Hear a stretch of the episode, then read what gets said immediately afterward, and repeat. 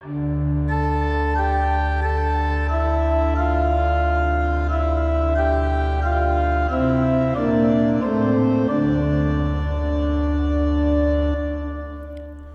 välkomna till FFG-podden med mig, Kristoffer Helle. Idag så ska vi få lyssna till ett föredrag om härlighetsteologi och korsteologi med Magnus Persson som är präst i EFS. Och han presenterar sig själv ganska bra i avsnittet så jag tycker det är bättre att han får göra det själv än att jag gör det. Ljudet är tyvärr inte det bästa. Jag har gjort mitt bästa för att försöka få det så drägligt som möjligt. Så jag hoppas att ni orkar lyssna. Men vi ber om ursäkt för detta och eh, jobbar på att detta inte ska hända i framtiden. Och är det så att man vill bidraga till den här poddens fortsatta arbete, gör det gärna på Swish. Numret är 123 100 8457 och så märk det gärna med FFG Podcast. Och kommer ni inte ihåg numret som jag precis sa så finns det även i avsnittsbeskrivningen. Och skulle det vara så att ni är intresserade av jubileumsföreläsningar med anledning av 500-årsjubileet av Luthers, jubileumet av Luthers bok En kristen människas frihet så finns de här jubileumsföreläsningarna på vår Youtube-kanal. Gå in på Youtube och sök på församlingsfakulteten. Det första, eh, för den första föreläsningen det är Torbjörn Johansson som pratade om en kristen människas frihet. Men nu, Magnus Persson, god lyssning. Tack så jättemycket för inbjudan att få komma till församlingsfakulteten igen. Eh, alltid med en viss bävan och stor ödmjukhet som jag står på den här bastionen av eh, Luthers teologi. Så eh, Låt mig börja med en disclaimer. Jag är inte här för att jag är en expert på korsets teologi. Däremot har jag stor erfarenhet av härlighetsteologi. Jag ska förstå vad jag menar med det eh, eh efterhand. Jag eh, arbetar alltså som eh, riksinspiratör på EFS, utgår från Uppsala. Där har jag också ansvar för samordningen av vår samverkansprojekt. Vi har en massa samverkanskyrkor med Svenska kyrkan. EFS är en missionsrörelse i Svenska kyrkan och utvecklar ett verktyg och ett arbetsprogram som heter Reformera. Där vi talar om reformatorisk helkyrklighet. Termen kommer utifrån en resa vi gjorde med den lokala församlingen jag var eh, verksam i. Och det var någon som skulle skriva om den resan vi hade gjort. Bort ifrån popkyrklighet eh, till eh, någonting reformatoriskt. Och efter gudstjänsten så säger vederbörande, jag blir inte riktigt klok på er. Nej, berätta mer, så här. Nej, men när jag kommer in här så är det ju liksom tydliga frikyrkliga vibbar. Det är frikyrklig hängivenhet och lovsång. Men sen så drar ni igång liturgin och den är snarare högkyrklig. Sen predikar du och det är god lågkyrklig roseniansk förkunnelse. Och sen så befinner ni er här i den här kyrkbyggnaden, Sankta Maria kyrka var det då i Malmö, som är en typisk folkkyrklig bastion. Så sa han, så hur ska ni ha det? Är ni frikyrkliga eller folkkyrkliga? Är ni lågkyrkliga eller högkyrkliga? Och då sa jag, ja tack alltihop, vi är helkyrkliga. Jag kan inte säga att jag vet exakt vad jag menade exakt med uttrycket när jag sa det. Men det har blivit en startpunkt för någonting eh, som man kanske i vanliga fall kallar för allmänkyrklighet. Fast jag vet inte om jag gör våld på det uttrycket. I alla fall så är det rotat i god allmänkyrklig teologi Eh, och allmänkyrklig ordning. Men jag tror också att vi har ett bidrag som vi måste ta till oss ifrån väckelserörelserna. Och biskop Bo Giertz, han har ett arbetsprogram som han lanserade i sitt herdabrev 1949. Där han sa att Svenska kyrkan är bärare av tre stora viktiga strömmar som man måste förvalta och göra levande idag. Det är fornkyrkans, alltså apostlarnas, martyrernas kyrka. Det är reformatorernas och det är de gudabenådade väckelserörelserna. Det finns inom Svenska kyrkan och det är det. Nog om detta. Det här är temat som jag har fått för idag, härlighetsteologi eller, eller och korsets teologi. Jag tycker om att kalla det för versus, alltså att spela ut dem lite grann mot varandra och se eh, de olika olikheterna. Och jag kommer till att försöka göra det här från en marknivå. Man kan göra det från ett enormt metaperspektiv och teoretiskt tala om detta. Jag ska försöka göra det väldigt praktiskt för oss så att du känner igen att vi står i det här vägskälet. Alltså vi kommer till de här korsningarna där vi antingen kan gå ner härlighetsteologins ljuvliga aveny eller vi kan välja korsets väg som är eh, kanske en stenig stig Ehm, så vi ska titta lite grann på dess karaktärer och också dess relevans för vår tid. Uttrycket härlighetsteologi och korsteologi, det skulle man kunna säga kommer ur Martin Luthers föreläsning i Heidelberg 1518 då han skulle redogöra för sina då nya och publicerade eh, första upptäckter av det här nya. Eh, och eh, där finns en hel del olika eh, eh, artiklar, eller vad ska vi kalla det för, paragrafer i detta. Där han eh, tar det både utifrån en teologisk synpunkt men också utifrån en filosofisk synpunkt.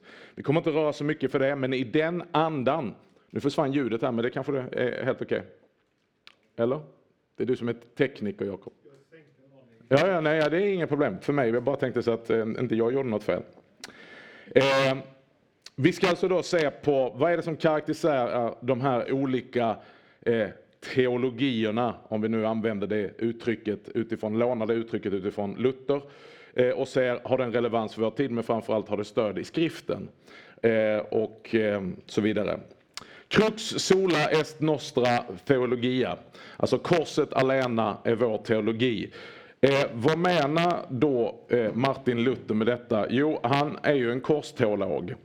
Eh, det är viktigt att förstå nu att detta inte är någon specifik teologi eller en doktrin bland alla andra doktriner. Vi kan ju lätt tänka att korsets teologi det måste handla om försoningen, men det är inte en försoningsteologi som vi ska presentera. Det är snarare ikväll vi ska presentera detta. Jag skulle vilja kalla detta en lins genom vilken vi betraktar all annan teologi, all anna, alla andra doktriner, hela Bibelns sammanfattade vittnesbörd och inte minst livet. En lins genom vilket vi ser livet då korsformat. Han säger bland annat att vi kan bara finna Gud i lidandet och korset. Den sanna teologin och kunskapen om Gud finns i den korsfäste Kristus. Han predikade alltså att det är genom Kristi kors som vi ser Gud som tydligast. Och då och då ska vi ställa upp det i motsatt till det som är härlighetsteologin som vi kommer in, som antagligen då framhäver Guds väsen och vem Gud är eh, utifrån en annan bakgrund eller genom en annan lins. Men inte bara vem han är utan också hur han handlar, inte minst hur han frälser världen, hur han uppenbarar sig själv i härlighet. Det är inte många människor som när man tittar på en blodig, korsfäst man säger där är Guds härlighet. Utan tvärtom så, precis som lärjungarna på den tiden som blir ögonvittnen till detta, flyr för sina liv, förnekar och tänker det är slut nu, det är över nu, det är kört. Och det vi ofta kallar för att det är färdigt, det är kört, det är slut, då säger Gud nej det är nu det börjar. Det är här frälsningen sker. Detta är Guds verk. Det är så Gud handlar. Och frågan vi kan ställa oss redan från början, är det så Gud bara handlar där, i det avgörande korset, alltså korset framför alla andra kors vi har att bära? Eller är detta ett mönster för hur Gud verkar och handlar även i vår tid? Fokus i den senmedeltida teologin, alltså den dåvarande kyrkan med stort K, hade kommit att hamna på vad människan kan och bör göra för Gud snarare än vad Gud har gjort för människan. Alltså två olika perspektiv. Nerifrån och upp, vad vi kan prestera och göra för Gud och tro på människans potential, tro på människans förmåga eller vad Gud har klivit ner från sin himmel och gjort för människan. Alltså egentligen två olika teologier. Do this eller it is done. Alltså, gör detta, gör detta eller det är gjort. Det är så evangelium enligt den evangelisk-lutherska förkunnelsen låter. Det är gjort. Det är färdigt. Vila och ta emot. Detta får du tro. Direkt när jag säger det, så tror jag om du är ärlig, så är det någonting som studsar i dig. Ja, ja, men ja, ja, ja, visst, det tror jag också på, men vad ska vi inte göra någonting? Och den tycker jag att du ska bara fånga lite grann, stoppa ner i fickan och så tar vi upp den om ett tag. Och så bara säga, vad är det i oss som direkt måste liksom på något sätt försvara vår del i alltihopa? Eh, för jag möter den jämt och ständigt, inte minst i mitt eget liv. Jag hör den rösten så fort jag bara säger det är gjort, vila, ta emot, detta får du tro. Så säger jag, ja, ja, jo, visst, men.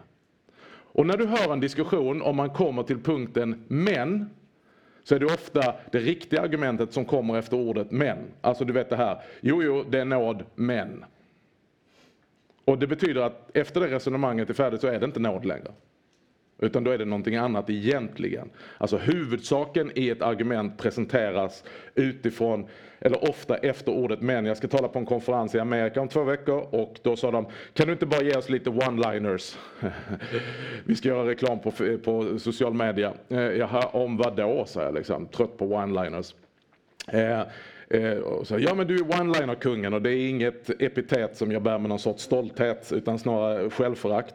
Men, men eh, då sa ja men eh, okej, okay, det ska börja med the gospel is och så bara släng på några grejer, ge oss fem stycken citat. Och då tänkte jag bara, ja, the gospel is the declaration that your sins are forgiven for the sake of Jesus, full stop. Och den gillade de. Den gillar de. Alltså utan tillägg, ingen plusmeny.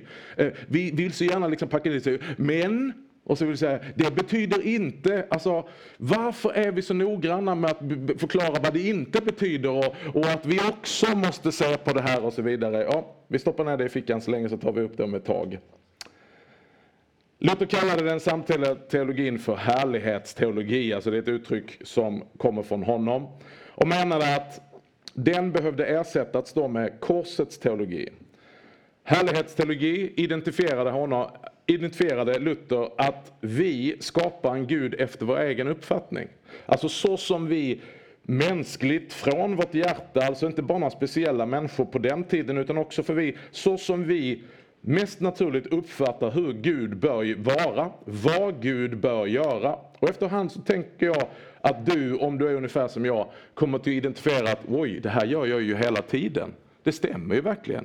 Eh, I mina vardagssituationer så börjar jag liksom ställa krav på Gud och säga, nej men det där, det där, eh, så borde inte du agera Gud. Eller du borde göra så här istället. Du borde uppträda, du borde manifestera dig och uppenbara dig på det här viset som jag tycker stämmer väldigt mycket mer efter min uppfattning, min egen önskan. Korsets teologi däremot ser och tar emot Gud så som han uppenbarar sig.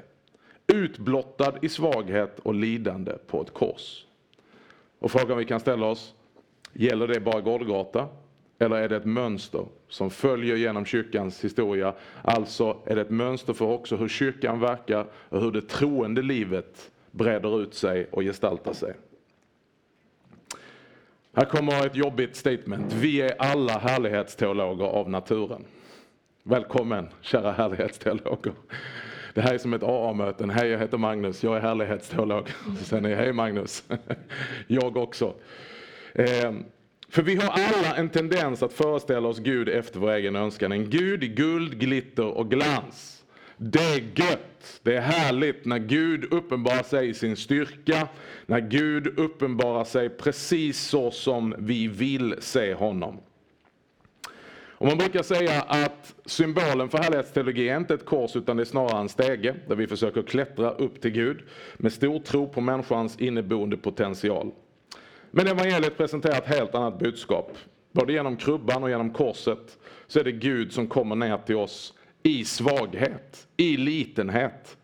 Tänk nu om du skulle vara eh, någon form av liksom, marknadsföringschef för himlen. Jag vet, det låter galet. Gud har sen innan jordens grund blev lagd planerat att när tiden är inne så ska vi releasa den senaste produkten på marknaden. Den mest unika modellen, det vill säga frälsningen av mänskligheten. Vi ska sona hela världens synd. Gud själv ska bli människa, sonen ska träda in, ordet ska bli kött och blod. Det är väldigt få av oss som säger, vet du vad, vi gör det på vischan någonstans. Gärna i ett litet stall eller grotta som är en mer rimlig beskrivning. Eller liksom, ja. Eh, eh, och eh, inga, inga dignitärer, ingen Mikael Bindefeld, ingen röd matta, inget kändismingel med champagne och snittar. Utan vi tar de som är längst ner på samhällsstegen, de som sover ute med sina djur, herdarna. Och så bjuder vi in tre stycken som, som inte ens är judar, alltså från fjärran östern som kommer. Och, och så har vi ett litet releaseparty här bland djuren i stallet. Alltså Jesus är inte releasad bland stjärnorna på slottet utan bland djuren och herdarna i stallet. Redan där är det ju bara helt fel. Enligt våra mänskliga standarder, eller? Jag vet inte, du, du kanske bara tänker så nej det är du som är helt fel, det är ju självklart. Så hade jag också gjort. Och när frälsaren kommer så är det ju i det mest försvarslösa som finns ett litet barn. Ett litet, litet, litet ynkligt barn och säger där har vi frälsningen. För det är precis vad Symeon säger lite senare när han möter barnet. Han har gått och väntat, vi vet inte vad Symeon har varit med och sett i, i, i, templet. Han har gått och bett, han har gått och fastat, han är profet och han bara väntar på att han får se Guds frälsning. Och så kommer han in och så ser han ett litet ungt par och så har de en liten gosse i, i famnen. Och så tar han gossen, han kanske kysser honom, lyfter honom och så säger nu kan din tjänare gå hem i frid som du har lovat. För nu har jag fått se frälsningen. Och kan man lite så här, okej. Okay. Vad heter den diagnosen? Han ser någonting i det lilla, i det svaga som det mänskliga ögat, om vi inte hade känt till julevangeliet, inte ens skulle kunna föreställa oss. Där Genom det barnet frälser Gud världen. Sonar han hela världens synd. Det är Guds lam som ska ta bort världens synd. Vi sitter ju fast i att vi har förkunskap. Men tänk, försök liksom ta bort den och så bara tänk, wow. Gud kommer ner till oss i litenhet, i svaghet, i enkelhet. Och för att kliva upp på ett kors, att dö. Det är hans uppgift. Han är född till att dö. Och inte dö för sin egen skull, utan dö för våra synder. Korset är och kommer alltid att vara en dårskap för världen, men det är Guds frälsning för den som tror. Härlighetsteologer, de eh, förutsätter och förväntar sig att Gud, kyrkan och kristendom kännetecknas av synlig styrka, glans, ära, makt, framgång och härlighet. Om vi tar några stycken ord. Det förväntar jag mig också. Jag hoppas ju det. Någonstans hela tiden så vill ju jag gärna uppträda så och tänka att när Gud är med mig då är det starkt. När Gud är med mig då, då är det ja, glans, vet jag inte, men alltså lite grann så här att det är framgång. Det går bra nu, eller hur? Jag känner igen mig i Gideons ord. Känner du till Gideon? Jag tänker att nu talar jag till, liksom, eh, ni är ju teologer hela gänget här va. Så att om jag nu tar vissa saker för givet så är det på grund av därför att jag är på församlingsfakulteten, bastionen för liksom rotad teologi. Gideon, han eh, lever i det förtryckta gudsfolket och han har nu varit jättemodig och smugit sig in i en vinpress för att hacka ut lite havre till sig själv. Så han står där och känner sig nöjd liksom. De lever hunsade av filisterna och så uppträder Herrens ängel och säger du Your mighty man of God. Gideon, det är som han tittar sig omkring och säger, det måste vara minst två stycken till här. En som talar och den han talar till. För det var liksom inte hans identifikation. Att när någon sa liksom, du, du, du, eh, vad, vad säger han på svenska? Du, du tappre stridsman, säger han. Eh, jag tror inte Gideon kände igen sig i den identifikationen. Va? Att när, så fort någon ropade på Avenyn, du tappre stridsman, ja. Och, och, och, och Gideons svar, det avslöjar lite den här härlighetsteologen inom oss. Gud är med dig, säger Herrens ängel. Gud är med dig. Du, säger Gideon, om Gud hade varit med oss, då hade det inte sett ut så här. Om Gud hade varit med oss, då hade det sett helt annorlunda ut. Är det inte precis så vi kan tänka? Gud, om han är med oss, då syns det i framgång, i styrka, i glans, i ära och makt och härlighet. Men härlighetsteologer, de premierar mänskligt förnuft framför korsets dårskap. Man skulle kunna säga att de premierar styrka framför svaghet, det stora framför det lilla, det synliga framför det osynliga, det ärade framför det vanärade, makt och inflytande över tjänande. Alltså det är väldigt mycket i linje med vår samtid. Det är väldigt mycket i linje med tidsandan. Vi är alla härlighetsteologer av naturen. Alltså man skulle kunna säga att grundläggande så tänker vi mycket mer som Darwin. The survival of the fittest. Eller Nietzsches Übermensch. Att vi liksom formar en teologi att om du får tag på Gud då blir du lite av en Übermensch. Du blir lite av en övermänniska. Du blir stark, du blir smord, du, du blir kraftfull och, och du pallar trycket och du bryter igenom. Och vi blir lite lika den grekisk-romerska kulturen som hyllade styrka och storhet och skapade sig mycket riktigt då gudar efter den bilden. Eh, Zeus, Apollos och så vidare. Deras regenter manifesterar och gestaltar också detta. Och det är så lätt att vi formar Gud till vår egen avbild istället för tvärtom. Att motsvara våra förväntningar och föreställningar om vad som är en Gud. En rimlig Gud Historiens första härlighetsteolog den möter vi långt innan 1500-talet. Vi möter den redan i Edens lustgård i form av en orm. Och så här säger härlighetsteologen. Nej! Bort det! Du ska inte dö. Ni ska bli som Gud. Och det här ringer ju genom hela historien. Om vi följer förbundsfolket genom Gamla Testamentet. Ja, faktiskt, om vi kommer ända fram till Petrus själv. Det här är Petrus. Hör du, känner du igen ormens ord här nu? Inom och utifrån Petrus. Petrus har precis varit stark och smord. Han har precis sagt på svaren, vem säger ni att jag är? Så har han levererat en uppenbarelse, du är Messias, den levande Gudens son. Och Jesus har precis uppmuntrat honom och sagt, wow, detta har inte kött och blod uppenbart för mig, för dig, utan min himmelske fader. Precis därefter så börjar Jesus tänka att wow, nu är de med på spåret här. Så han börjar lägga ut, och det är ju den tiden vi befinner oss nu, fastetiden, vandringen mot korset. Så står det att från den tiden började Jesus förklara för sina lärjungar att han måste gå till Jerusalem och lida mycket genom de äldste, översteprästerna och de skriftlärda och att han måste dödas och på tredje dagen uppväckas. Det är vad han lanserar. Kom och följ mig till Jerusalem. Nu ska vi gå och dö. Visst hade det varit härligt att ha en sån präst, pastor, församlingsledare som säger välkomna hit. Följ mig och dö. Det låter som en sekt i Amerika, eller hur? Då tog Petrus honom åt sidan. Petrus har blivit styv i korken nu. Han vet ju att han har med Gud att göra. va? Han vet ju att han har koll på bitarna så han tänker att eh, Jesus behöver lite uppmuntran. Jesus behöver lite korrigering. Jesus behöver bli mer en Gud som stämmer överens med min bild av hur en Gud ska vara. Gud är nådig mot dig, Herre. Det ska aldrig hända dig. Hör du ekot? Ni ska inte dö. Och nu är jag väldigt intresserad, hur reagerar då Jesus på det här statementet? Jo, det kommer. Jesus vände sig om och sa till Petrus, gå bort från mig Satan. Han fick, han fick ett nytt smeknamn efter den här händelsen. Han hör direkt ljudet, ekot ifrån ormen. Du vill få mig på fall.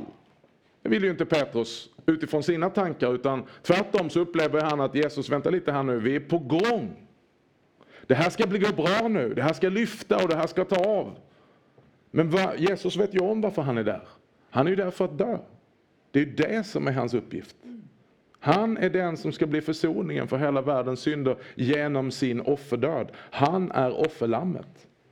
Och nu är det någon som vill få bort korset, bort blodet, bort nederlaget, bort med lidandet, bort med vanäran, utan fortsätt den här liksom som jag ser framför mig, någon form av så amerikansk presidentkampanj. Va? Man rullar in med bussen i, i, i ett ny stad hela tiden och folk bara står där. Va? Wow. Och så säger han att jag ska gå och dö. Vad du tänker, fortsätter Jesus, är inte Guds tankar utan människotankar. Vi är alla härlighetsteologer av hjärtat. Det är precis de människotankarna som är typiska för oss. Vi är i gott sällskap, kära vänner. Jesus sa till sina lärjungar, och här kommer det. Om någon vill följa mig ska han förneka sig själv, ta sitt kors på sig och följa mig. Den som vill bevara sitt liv ska mista det, men den som mister sitt liv för min skull, han ska finna det, eller vinna det. Ty vad hjälper det människa om hon vinner hela världen, men förlorar sin själ? Till en början så kan vi tänka att det där är inte så attraktivt budskap, eller så är det precis det det är. Det är fortfarande en dårskap men kanske det rymmer just den befrielse nutidsmänniskan behöver. Att inte vara så mycket om sig och kring sig om sig själv. Att inte hela tiden i varenda steg försöka vara strategisk, försöka vara genomtänkt och försöka framstå som den som jag önskar vara och tyranniskt lida under idealbilden som samtiden har presenterat av vad en människa bör vara som är lycklig och som är lyckad. Utan att istället tappa greppet om sig själv, förneka sig själv, ta upp sitt kors och gå korsets väg. Och så säger säger han, för om du försöker liksom hålla greppet om ditt liv, bevara det och vinna i varje läge så kommer du att förlora. Men om du börjar med att förlora så kommer du att vinna. Och så börjar vårt kristna liv, det börjar i dopet. Och i dopet, det är ingenting annat, jag älskar fortfarande uttrycket dopgrav. Det har inte med att döpa vuxna eller barn att göra, utan det bästa man kan kalla dopets källa, det är inte en dopfunt utan en dopgrav. För det är en begravning. Och därför gör det att den döpte, den har redan döden bakom sig. Vi börjar, du vet vi i, i, i, i, i livet och i världen så lever vi och sen dör vi. Men i Guds rike så dör vi för att leva. Döden börjar vi med.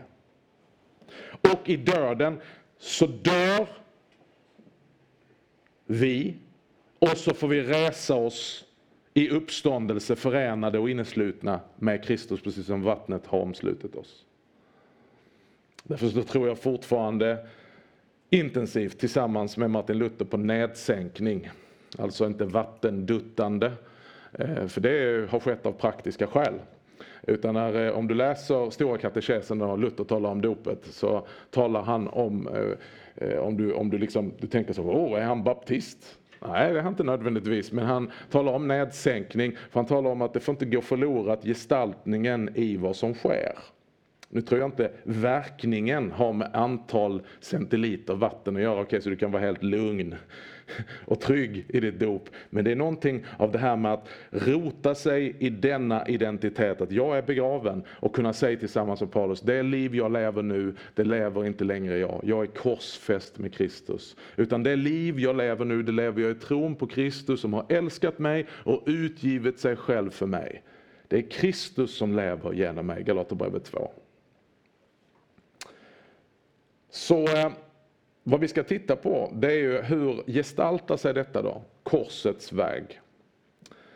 Låt oss bara brodera det ut ännu mer och helt vara på linje med då det som du kan känner, känna att korset är offensivt för oss. Och det utmanar våra föreställningar både om Gud och vad det innebär att vara en kristen. Hur Gud verkar och hur Gud uppenbarar sig själv, vad det innebär att leva i tro på Kristus och vara hans efterföljare. Alltså det är offensivt. Och till en början kan det låta allt annat än attraktivt.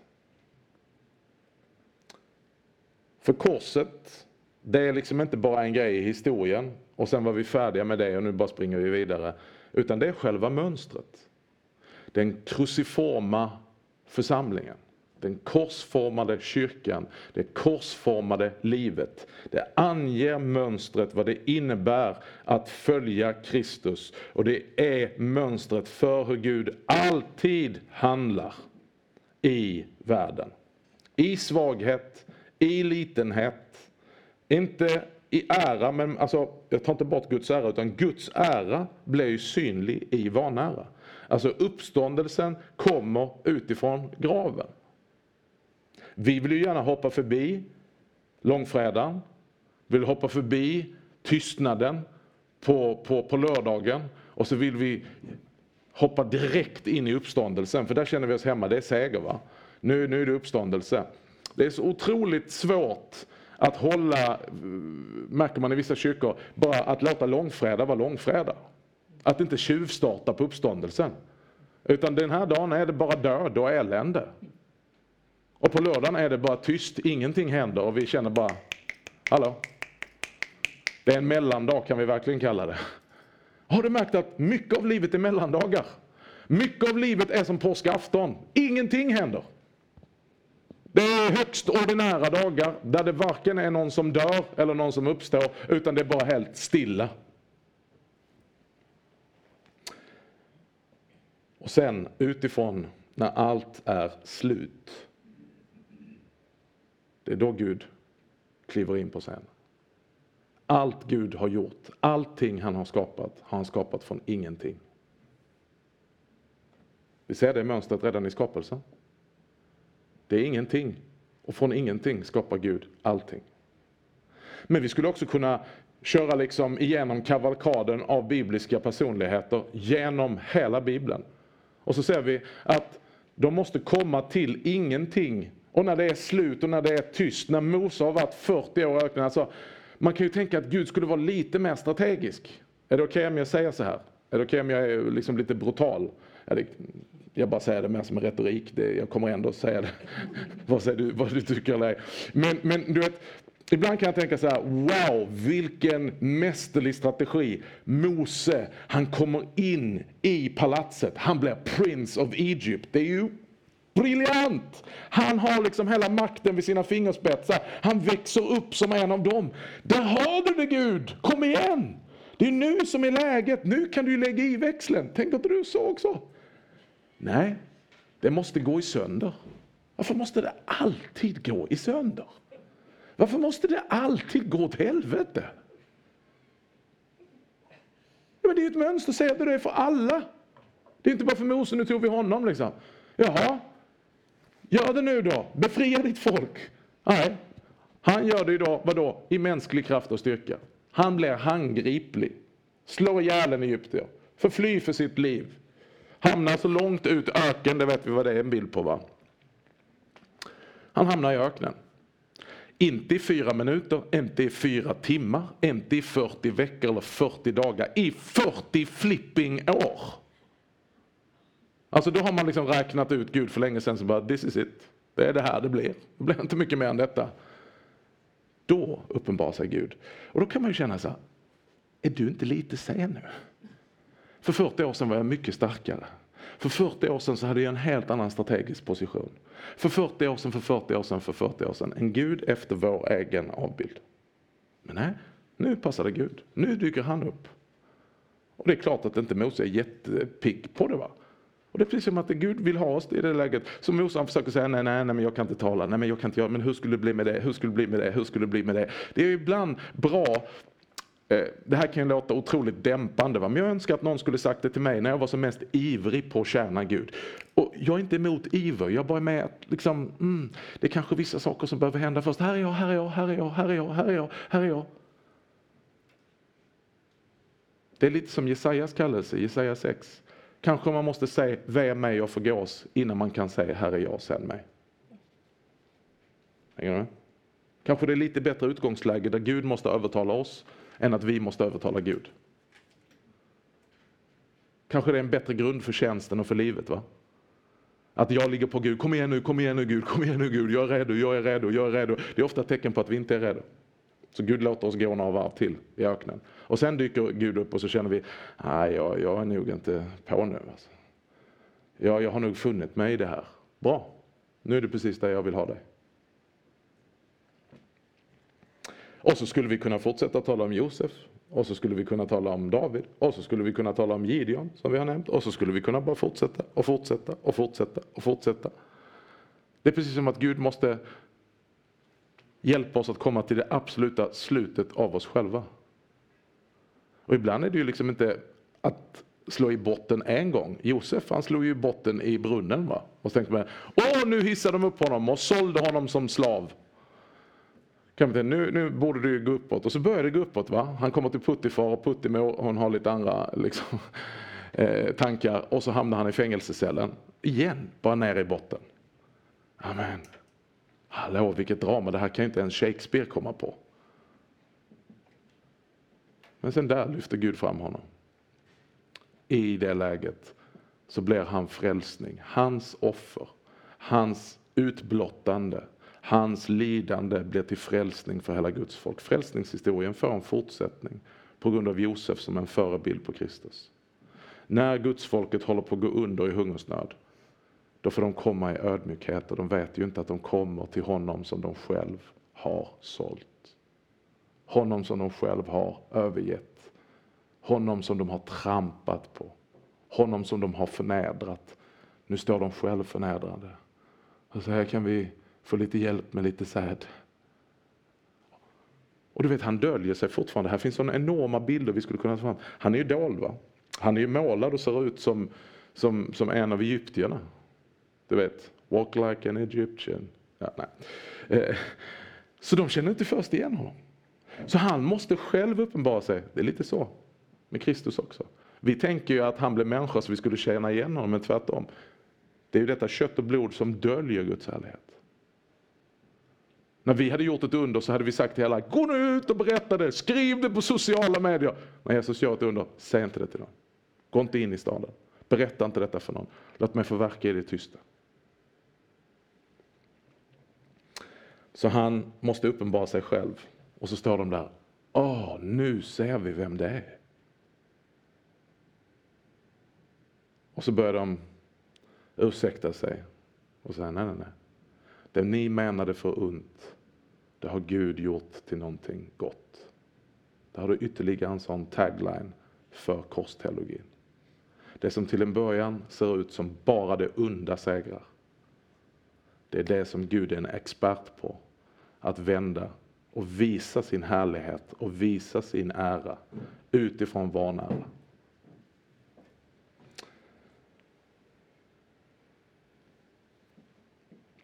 Så, bara understryka detta igen då. Korsteologin är alltså i egentlig mening inte ett separat budskap eller en doktrin per se, utan snarare en lins genom vilket vi läser och förstår hela Bibelns budskap, ett ramverk för hela vår teologi. Så att det är någonting som vi, som vi bedömer och tittar igenom på allting. Eh, Okej, okay, vi ska försöka göra det här praktiskt eh, och, och eh, borra ner i din och min verklighet. Man skulle kunna säga att härlighetsteologi är en teologi för de motiverade, de ambitiösa, starka och drivna. Och då tänker du direkt, jag är, jag är motiverad, jag är ambitiös, vad, vad, vad, vad är det för något fel på det? Eh, well, vi ska försöka lägga ut det. Däremot är korsteologi en tröstens teologi. För de slutkörda, de hopplösa, de utbrända och de misslyckade. Så, ja, men det här låter ju inte klokt, eller hur? Och är det inte precis det vi säger, att korsets teologi det är en dårskap? Det är en dårskap för den här världen, det är en dårskap. Vi kommer snart till att läsa, var är de visa? Var är de starka? Var är alla dessa, denna världens mäktiga debattörer? Var är alla de motiverade, de ambitiösa, de starka, de drivna? Och så fortsätter Paulus lite längre fram och så säger han till dem, för, hur var det med er själva? Hur många av er var de här starka, drivna, och ambitiösa och väldiga när ni blev kallade? Korsteologin är alltså en tröst när vi abdikerar och böjer oss för den. Men det är en otrolig irritation och provokation när vi möter den i världens anda. Härlighetsteologi uppfattar Gud och hans verk i styrka, kraft, framgång, visdom, ära och härlighet. Korsteologi uppfattar Gud och hans verk i, det, i svaghet, i det, svag, i, i det svaga, lidande, nederlag, dårskap och enkelhet. Det är därför det behövs uppenbarelse. Det är därför att ingen av oss bara liksom så här, där är det. Tillbaka till korset. Det är väldigt få som bara står och säger, där har vi det. Nu frälser Gud världen. We wish. Men visst, det är inte kö där vid korset där folk pekar och säger, nu händer det. Utan de flesta säger som Emmaus-lärjungarna, vi trodde att det skulle bli si och så, men nu är det kört, det är slut. Så Jesus får springa efter dem och styra upp deras tankar. Härlighetsteologi promotar en synlig och egen rättfärdighet av gärningar. Korsteologi proklamerar en osynlig rättfärdighet från Gud genom tro. Det vill säga, vi går utifrån det vi ser. Så när vi ser rättfärdighet så ska vi säga att det där är rättfärdighet. Men korsteologin pekar åt ett annat håll där vi inte kan se rättfärdighet och säga där är rättfärdighet. Men hur kan det vara rätt? Eller hur? Du är ju förklarad rättfärdig, men om du tittar på dig själv, hur mycket rättfärdighet hittar du? Säg inte det högt. Men, men, men om du tittar så okej, okay, jag kallas rättfärdig, men om jag tittar så det är inte mycket rättfärdighet här. Det är en hel del annat. Den är osynlig. Härlighetsteologi handlar om vår insats för Gud, korsteologi handlar om Guds insats för oss. Härlighetsteologi låter som visdom och slår an något i vårt naturliga förnuft. Alltså, det är inte svårt att hålla med om härlighetsteologi. Vi nickar instämmande och säger Bring it on, come on baby. Yes, det här är bra, preach it. Kortsteologi låter som dårskap. Det är främmande för oss. Det uppenbara uppenbaras enbart för oss i evangeliets predikan genom den helige Ande. Härlighetsteologi förlitar sig på människans förmåga och egna rättfärdighet medan korsteologi förlitar sig helt på Kristus och en rättfärdighet som är främmande för oss. En rättfärdighet som kommer från Gud. En som är kanske en, ehm, han använder inte ordet korsteologi, men som är en av modern tids och ett av vårt lands stora själasörjare som är rotad i korsteologin och som utan att använda ordet korsteologi hela tiden var precis det han talade om. Karl Olof Rosenius, EFS eget ärkehelgon. Eh, han eh, har satt ord på detta väldigt mycket och nu kommer vi till den här tröstande biten. Här är en av hans dikter som också har blivit en sång. Ängsliga hjärta, upp ur din dvala. Glömmer du alldeles bort vad du har? Frälsarens vänskap, nåd och gemenskap. Ännu han lever, densamme han var. Stanna och vakna, tänk vad du har. In, inte i dig, men i frälsaren kär. Ren och rättfärdig, himmelen värdig. Inte i dig, men i honom du är.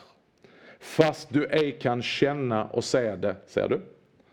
Fast du är syndig och skröplig Jämväl Kristus har köpt dig, tvagit och döpt dig, bär och bevarar och ännu din själ. Alltså nu kan vi snart skrapa, skrapa ihop ditt halleluja här va. Mitt under syndens dagliga plåga, dock du en evig rättfärdighet har. Jesus alena tvagit oss rena, pris vare lammet som synderna bar. Gud är i Kristus ännu din fader, sonen är ännu din broder som dog. Trofaste anden ännu vid handen, städse dig leder, är detta ej nog? O vilka under helgonen äro, äro så saliga, sucka så tungt. Äro så höga, sädet så föga, bo i Guds borg, men har sällan det lugnt. Så är det korsteologin. Vandra i tron, se honom inte. Detta är regeln. Det bliver David. Tänk om vi skulle undervisa så här på våra ungdomssamlingar. Alltså regeln är att du kommer inte till att känna så mycket. Regeln är att du kommer inte till att säga så mycket. Regeln är att du kommer till att känna väldigt mycket precis motsatsen. Syndens dagliga plåga ändock rättfärdig, inte i dig själv utan i honom. Korta minuter känslan åtnjuter. Vad vi i sanning dock äga alltid, det är trosförkunnelse. Av bästa märke och vara. Det säger, men jag känner inte det. Men i sanning äger du det ändå alltid, vad du än känner. Upp då ur dvalan, ängsliga hjärta. Glöm inte alldeles bort vad du har. Även den timma, tjockaste dimma, solen fördöljer, är solen dock kvar.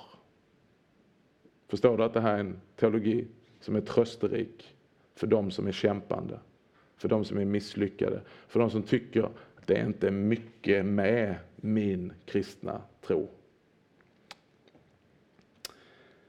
Varför ska det vara så här då? Ja, Rosenius i en av sina böcker Rättfärdig i Jesus, eh, eller det, den är ihopsatt i en liten pocket säger så nu finns det här citatet i Rättfärdig i Jesus, men det kommer från hans samlade verk. Jo, det beror på att den kristne dagligen ser och känner synd och svaghet hos sig själv. Han vet att det brister så mycket i hans kristendom. Så varför måste man då sjunga och säga detta ängsliga hjärta? Varför är vi så ängsliga? Jo, på grund av detta. Den nåd och den rättfärdighet han har i Kristus, den ser han inte. Själv är man färdig att ge upp därför att du upptäckt vad som bor i ditt hjärta. Det här är inte härlighetsteologi. Hör du det nu? Eller hur? Du känner bara så här, det här är ju depressionsteologi. Det är liksom, du är med och sakta men säkert bara för oss in i en depression här Magnus. Ja, kanske är det precis det du behöver, även om jag inte skulle använda ordet depression. Jag fick höra då, Magnus, du som har varit en sån fartfylld, glad pingstvän, har du nu köpt in dig i den dystra, pessimistiska, lutherska människosynen? Och sa att det är väldigt intressant, jag tycker inte den är dyster eller pessimistisk, jag tycker den är befriande realistisk. För första gången ryms hela jag i en teologi. Hela mitt liv. Framsida, baksida, uppsida, undersida. Det ryms. Det ryms. Utan hela tiden ett anspråk, möjligheten, en barmhärtighet och en möjlighet. Men illusionerna som låter som en dålig Per Gessle-låt, de är dödade i korsteologin. Det här überoptimistiska. Men möjligheterna finns där. Men inte kraven kraven på fullständig förvandling, för då måste jag bli en lögnare. Jag säger inte vad du känner, jag säger inte vad du har för erfarenhet, jag talar om min egen erfarenhet. Att jag måste liksom ljuga för mig själv. Nej, jag vill rymmas i vad jag kallar för, andra gånger jag undervisar utifrån ett annat perspektiv så talar jag om härlighetsteologi, eller så tar du bort håret, eller ärlighetsteologi. Skillnaden på härlighet och ärlighet. För att Sanningen är att vi upptäcker vad som bor i vårt hjärta hur länge du än har gått med Gud. Faktum är att ju längre du har gått med Gud så är det ofta ett tecken att du inser Wow, det är ett under att jag är frälst. För ju längre livet går, ju mer lär jag känna mig själv. Ju mer så ser jag mitt perverterade hjärta, mina sjuka tankar, min sjukliga självupptagenhet, min inbyggda spjutskompetens för att alltid få det att låta eh, och, och placera det och, och formulera det så att det blir till någon form av självära. Härlighetsteologi. Det är bara fariseerna som har lätt för att tro, säger Rosenius. De bortser nämligen från det inre fördärvet. De känner det inte ens. Men är din omvändelse rätt då blir det bara värre och värre i egna ögon. Boom! Det här, vi, vi korsfäster nu all form av, liksom, det går uppåt, det går uppåt, det går uppåt. Guds rörelseschema, det är neråt. Den kristens liv här på jorden är fullt av skiftningar och motsägelser. Han kan inte bedöma sitt eget tillstånd utifrån det mått av frumhet och kraft han har just för stunden. Den som är orolig över sin synd och anklagar sig själv för att han har syndat mot Gud men just därför håller till vid nådens tron och ber om förlåtelse och söker sin tröst i Kristus, han är en kristen. Livet är en vandring genom en labyrint av motsägelser, fortfarande Rosenius. Det är en färd genom ett tjockt moln av synd och sorg, anfäktelser och frestelser. Det är inte alltid alla som känner så här, så jag säger inte så, känner du inte detta så är du helt fel ute. Utan det här är ett hoppets budskap för den som precis känner så, som har identifierat detta och säger så, ja, ja det är möjligt att det kan vara härligt emellanåt, men vet du vad? För det mesta så förstår jag inte mig själv. Alltså vad Paulus säger i Romarbrevet 7, så säger han, jag begriper mig inte på mig själv. Och Augustinus, 300 år senare, säger, jag har blivit en gåta för mig själv. Jag fattar inte vad det är som bor i mig. Jag vill ju det här, men gör detta. Och sen säger Rosenius, 1700 år senare. Ja, livet är en labyrint av motsägelser. Det är en färd genom ett tjockt moln av synd och sorg, anfäktelser och frestelser. Och den som vill finna vägen till det eviga fadershuset, han måste ha sin blick riktad mot och fäst på vad Gud själv har sagt och gjort. Han får inte låta sig luras att se vare sig till höger eller åt vänster, även om världen störtar samman och tusen faller vid hans sida. Vår fiende djävulen kommer att göra allt som står i hans makt för att få oss ur fattningen och få oss att se åt sidan och se på vad vi själva är, gör eller känner. Det här är inte unikt för 1800-talet. Det här är det du och jag brottas med hela tiden. Att tolka, försöka förstå och försöka bygga på, få rätsida på vad vi ser, vad vi har, vad vi är, vad vi gör eller vad vi känner. Alla här det är ju ingen som kommer kugga på den frågan liksom, om den kommer teoretiskt till dig. Ändå sliter vi med den. Eller vi, ska jag säga. Jag sliter med den. Att hela tiden liksom få rätsida på de här grejerna. Och få det att stämma. På det sättet försöker han att ta ifrån oss tilltron till Guds kärlek och vissheten om att äga barnarätt hos honom. Då gäller det att på allvar endast räkna med vad Gud har sagt och gjort. Det är, det är god trosförkunnelse. Det är att hålla fram ordet och säga att detta håller vi fast vid. Och då kommer naturligtvis din fråga, ja men alltså allvarligt talat Magnus, det låter ju som all form, minsta lilla känsla av salighet och härlighet. Det är fel, har jag inte sagt. Men vägen dit. Korset är ju underbart saligt. Vi tycker inte korset är någonting hemskt. Utan korset, det är vårt segertecken. Men det är på andra sidan korset. Vad sa Jesus? Den som försöker vinna sitt liv, han kommer till att mista det. Men den som mister mitt liv för min skull, han kommer att finna det. Så det är inte anti-salighet, utan var finns den saligheten? Och det är det vi ska titta på om du orkar en liten stund till. Det är bara, varför är då detta nödvändigt säger du? Eller jag låtsas att du säger det då, jag tänker att du tänker det. Okej, okay, det här deprimerade budskapet du har nu gett, varför, varför måste vi höra detta? Jag vill låta Rosenius svara på den frågan. Det är bara genom en sådan inblick i vårt eget fördärv som kan driva oss till Kristus. Det är bara genom nedslående erfarenheter av hur det misslyckas för oss som vi blir så fullständigt slutkörda och utmattade att vi inte längre väntar oss något gott från oss själva. Då först får Gud lov att frälsa oss just sådana som vi är.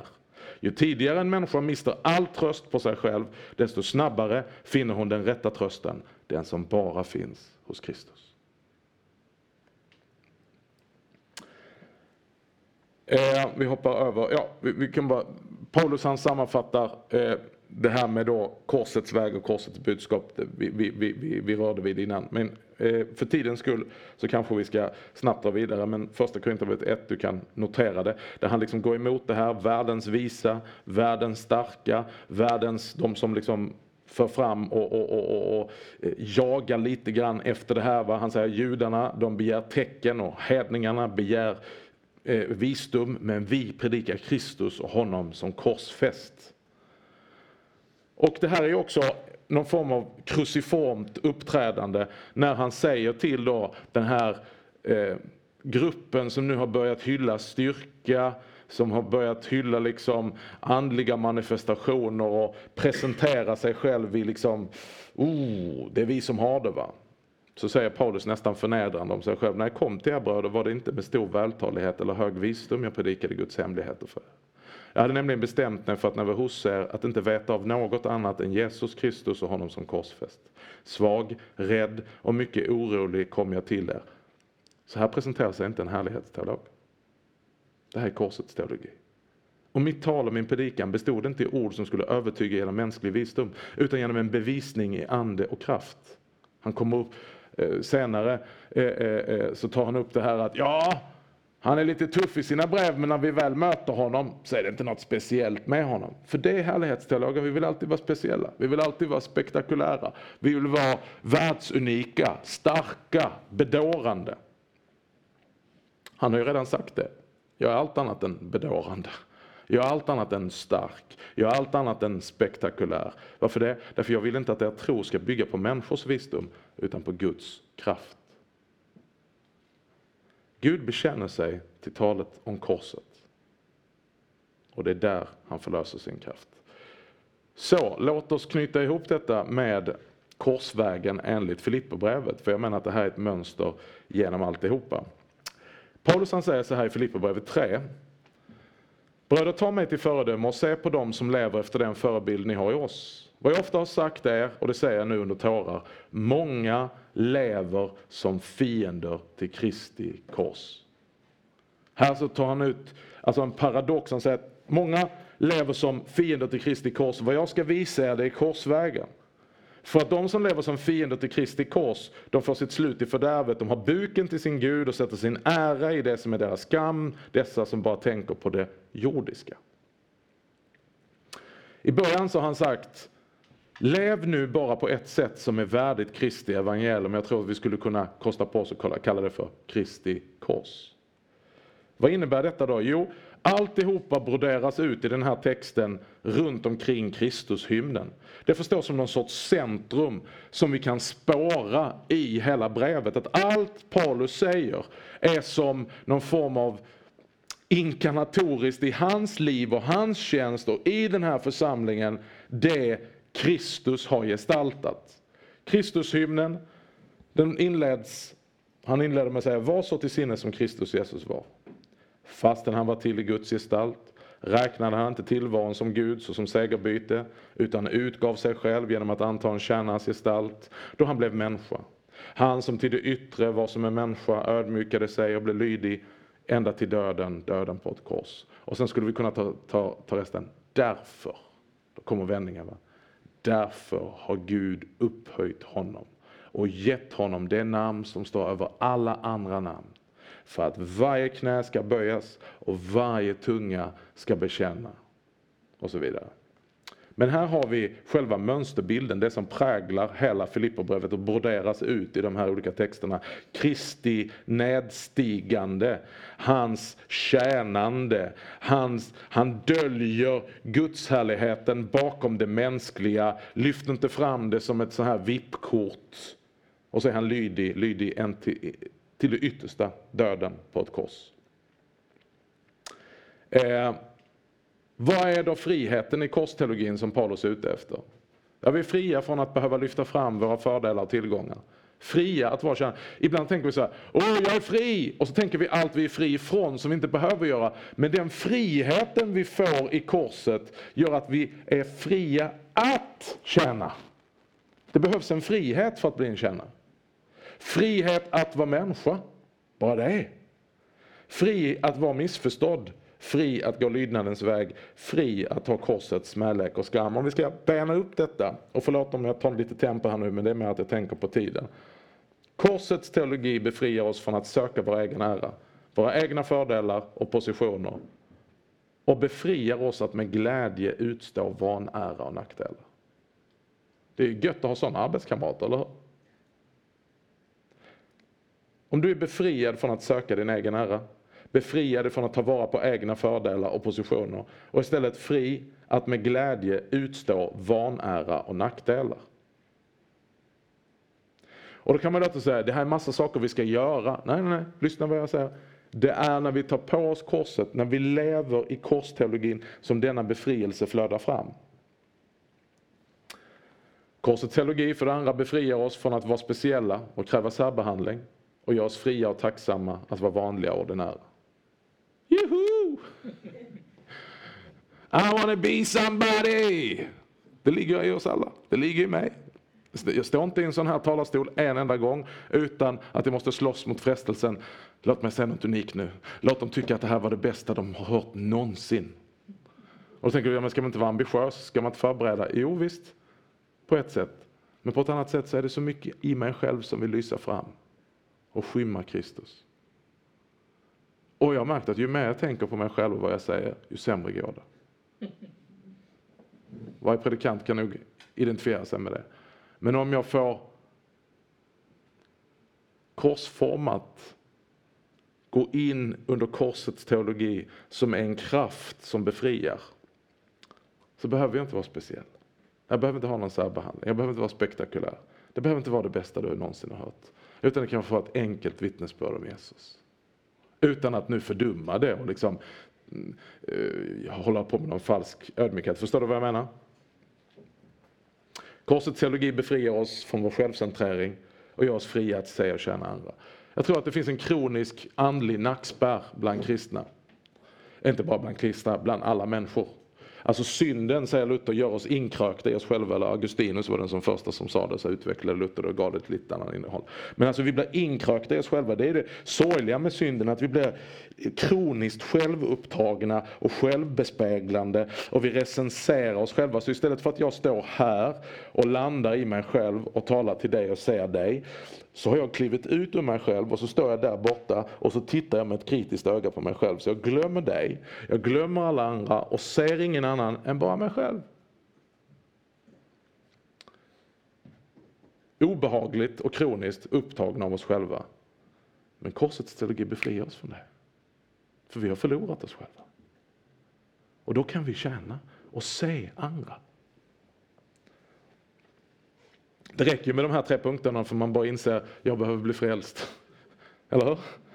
Alltså det blir ju det blir också lag i detta, va? där vi säger att men sån är inte jag. Nej, exakt.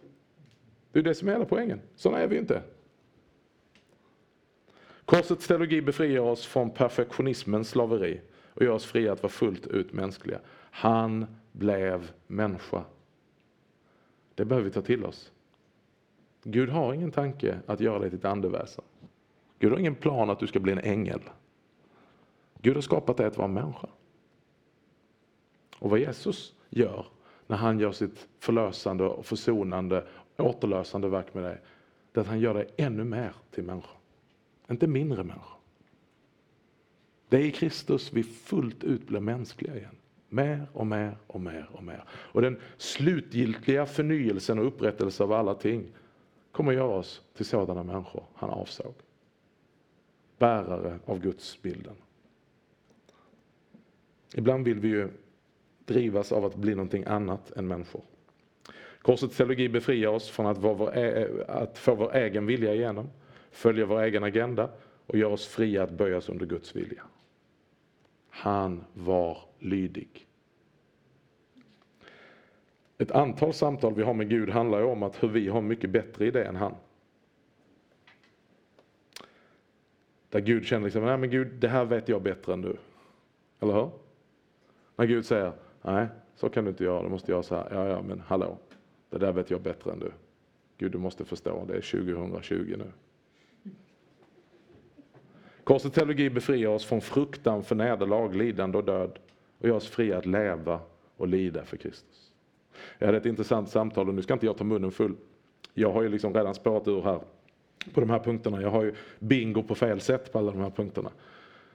Så att när jag predikar detta så inser jag att jag är ingen korsteolog, jag är en härlighetsteolog. Eller? Och då behöver jag springa till Kristus igen och säga, Herre förbarma dig över mig. Arma härlighetsteolog. Allt naturligt i mig tycker inte om någonting i detta. Så utifrån detta så hade jag på ett annat ställe, jag var och talade i Markaryd igår, så hade vi ett samtal om det här coronaviruset. Vad är försiktighet och vad är fruktan? Och så vidare. Så kommer vi att tala på kyrkohistorien om hur den första unga kyrkan gick fram. När olika sjukdomar och pester härjade och alla andra kastade dem på gatan så var kristna ute och samlade upp dem och rörde vid dem. Precis i samma anda som Jesus som rör vid de spetälska. Så att istället för att sätta bjällror på dem och liksom säga äh, hej, hej, hej, rör inte mig, spetälsk, spetälsk, oren, oren. Så är det väldigt lätt att det kommer in nu. Och så kommer den här fruktan över oss. Det var bara ett perspektiv. Men det är otroligt vad fortfarande vi är rädda för döden. Rädda för lidande. Rädda för nederlag. När vi egentligen skulle bara vara helt befriade. Nu är vi ju bevisligen inte det, eller hur? Men det är det som erbjuds oss och räcks oss i korset. Att när du får ta korset på dig så får du dö och bli befriad ifrån din fruktan för allt som gör ont, allt som är nederlag, allt som är lidande. Att strida tillbaka, att hela tiden bekämpa, bekämpa, bekämpa döden. Utan utifrån döden så kommer du till liv. Den som tror på mig, han ska leva om han än dör. Att bli befriad till att lida, det behöver man befrielse till. Det kommer inte naturligt. Jag vet väldigt så, ja Jesus, om jag fick välja någonting så skulle så gärna vilja lida för dig. Häng gärna ut mig i tidningar och, och låt mig bli bespottad, hånad och förnedrad. Det vill jag. Finns det någon vakant post där? Och svaret är ja, det finns jättemånga vakanta poster på just den grejen. Nu är det ju inte något självändamål. Det är många som får lida bara på grund av sin egen dumhet. Så tänk inte det att det är lida för Jesus. Aldrig, Jesus får skulden för jättemycket dumhet. Ja, men det är lidande för Kristus. Det är det inte. Det är bara att ni är dumma i huvudet. Är du med? Alltså att man, man, man gör saker och ting som bara är ren idioti. Och så skriver tidningen om det. Ja, det där är inte att lida för Jesus. Det är att lida rättmätigt för sin egen dumhet. Förstår du skillnaden?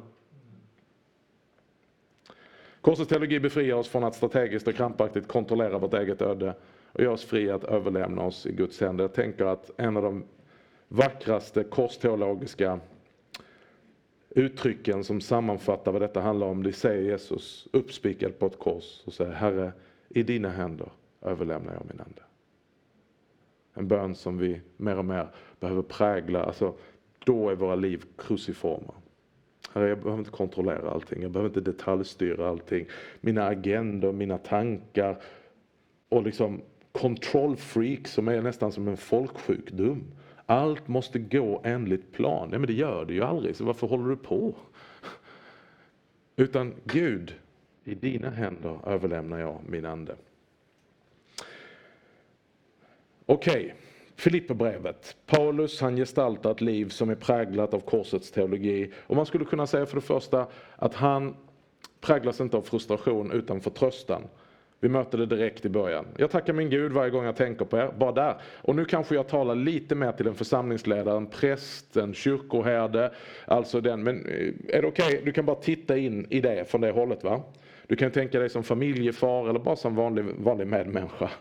Och, och, och då. Men när Paulus ska, ska, ska be, eh, eller, eller han säger så här, varje gång jag tänker på er församlingen så tackar jag min Gud. Så ofta jag ber för er alla gör jag det alltid med glädje. Ah, han måste ljuga. Har du tänkt så någon gång när du läser Bibeln? Nej, det är ingen som har tänkt så. Jag har tänkt så. Jag har tänkt så här, ja men okej, allvarligt, kan man göra det? Varje gång jag tänker på församlingen så tackar jag min Gud. Jag tänker att det ligger mycket närmare till hans. Varje gång jag tänker på församlingen så klagar jag till Gud. Och så ofta jag ber för alla så gör jag det, inte alltid med glädje. Varför det? Därför här har du hans, han är rotad i någonting. Jag är nämligen övertygad om att han som har börjat ett gott verk i er också ska fullborda det in Kristi Jesu dag. Wow, vilken förvissning. Vilken förtröstan. Det här är inte bara liksom ett så här klämkäckt, ja, ja, ja, men han som har börjat ett gott verk, det ska nog gå. Utan det är en fullständig bergfast övertygelse som präglar honom. Som inte gör att det är frustration, att han ska forcera igenom någonting, utan fullständig vila i Guds verk. Och han uttrycker det sen i andra kapitlet. Gud är den som verkar i er, både i vilja och gärning, för att hans goda vilja ska ske. Det här uttalar han inte över en perfekt församling. Från självcentrerad till evangeliecentrerad. Ja, vad menar jag med det då? Jo, här ger han vittnesbördet. Paulus skriver ju från en fängelsecell. Eh, eh, jag vill att ni ska veta bröder att det som har hänt mig snarare har lett till framgång för evangeliet. Alltså vad är det som har hänt Paulus? Jo, han har blivit fängslad, eh, han har kanske, vet vi inte, blivit torterad, han har blivit stoppad, han kan inte göra det som Gud har kallat honom till. Och så säger han, allt det som har hänt mig, det vi precis sa, det har snarare lett till framgång för evangeliet. Så han, han har inte fokus på vad är det som händer med mig, utan hans fokus är vad är det som händer med evangeliet. Och nu är jag glad för evangeliet, det, det, det, det, har lett till framgång. Min fångenskap har gjort de flesta av bröderna övertygade i Herren, så att de vågar predika Guds ord ännu mer oförskräckt. Wow! Korsets väg. Från självförverkligande till kallelsestyrd.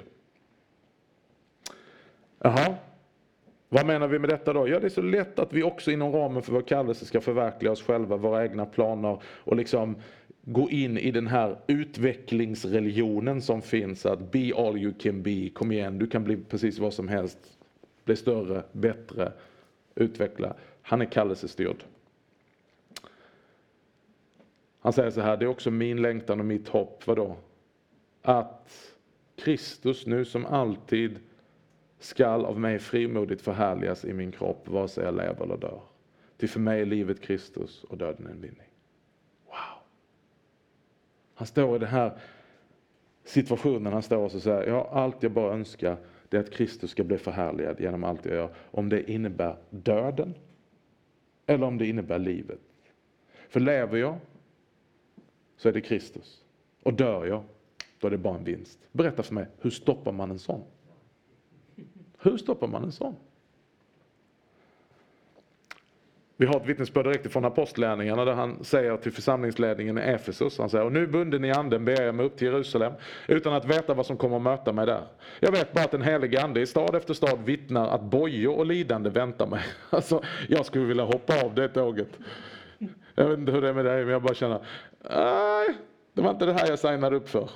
Men det är det enda den helige ande vittnar om. Jag skulle önska att den helige ande vittnar om någonting annat. Va? Men den helige ande bara påminner Paulus att i stad efter stad så är det bojor och lidande som väntar dig. Jaha. Men jag anser inte att mitt liv har något värde för mig själv. Jag vill endast fullborda mitt lopp och den uppgift som jag har fått av Herren Jesus att vittna om Guds nåderika evangelium. Wow! Från självömkan till självutgivande. Ty för Kristi skull har ni fått nåd att inte bara tro på honom utan också att få lida för hans skull. Eftersom ni har samma strid att utkämpa förlåt, som ni såg att jag hade och nu hör att jag har. Han fortsätter, gör allt utan klaga och tveka. Alltså inte håll på och berätta om hur synd det är om dig och vad vi fått göra. Utan håll fast vid livets ord. Även om mitt blod blir utgjutet då ni bär fram er tro som offer så är jag glad och gläds med er alla. Det här är korsets väg. I Kolosserbrevet så talar han också om detta, att han gläder sig mitt under sina lidanden för dem, församlingen där. Och det som fattas av Kristus lidande uppfyller jag nu i, i mitt liv för hans kropp som är församlingen. Va? Fattas det någonting? Var inte Kristi verk fullbordat? Jo, Kristi frälsande verk på korset var fullbordat och sen så uppfyller vi det lidandet som är kvar. Vadå? Lidandet att gå ut och predika det budskapet. Att se till att det han har förvärvat nu också blir förmedlat och det innebär ett lidande. Och där måste vi ta det lidandet. Det kommer vi inte att göra om vi är härlighetsteologer utan vi kommer bara göra det om vi blir korsteologer. Från självupptagen till upptagen av andra. Har du en annan frukt av korsteologin och nu är det Timoteus han talar om. I andra kapitlet, 19 versen till 21. Jag hoppas nu i Herren Jesus att jag snart ska kunna sända Timoteus till er. Så att också jag kan vara vid gott mod när jag får veta hur ni har det. Jag har ingen som han. Ingen som så uppriktigt kommer att ha omsorg om er. Alla söker de sitt, inte Jesu Kristi sak. Wow! Det måste vara det finaste utlåtandet man kan få. Tänk att vara Timoteus.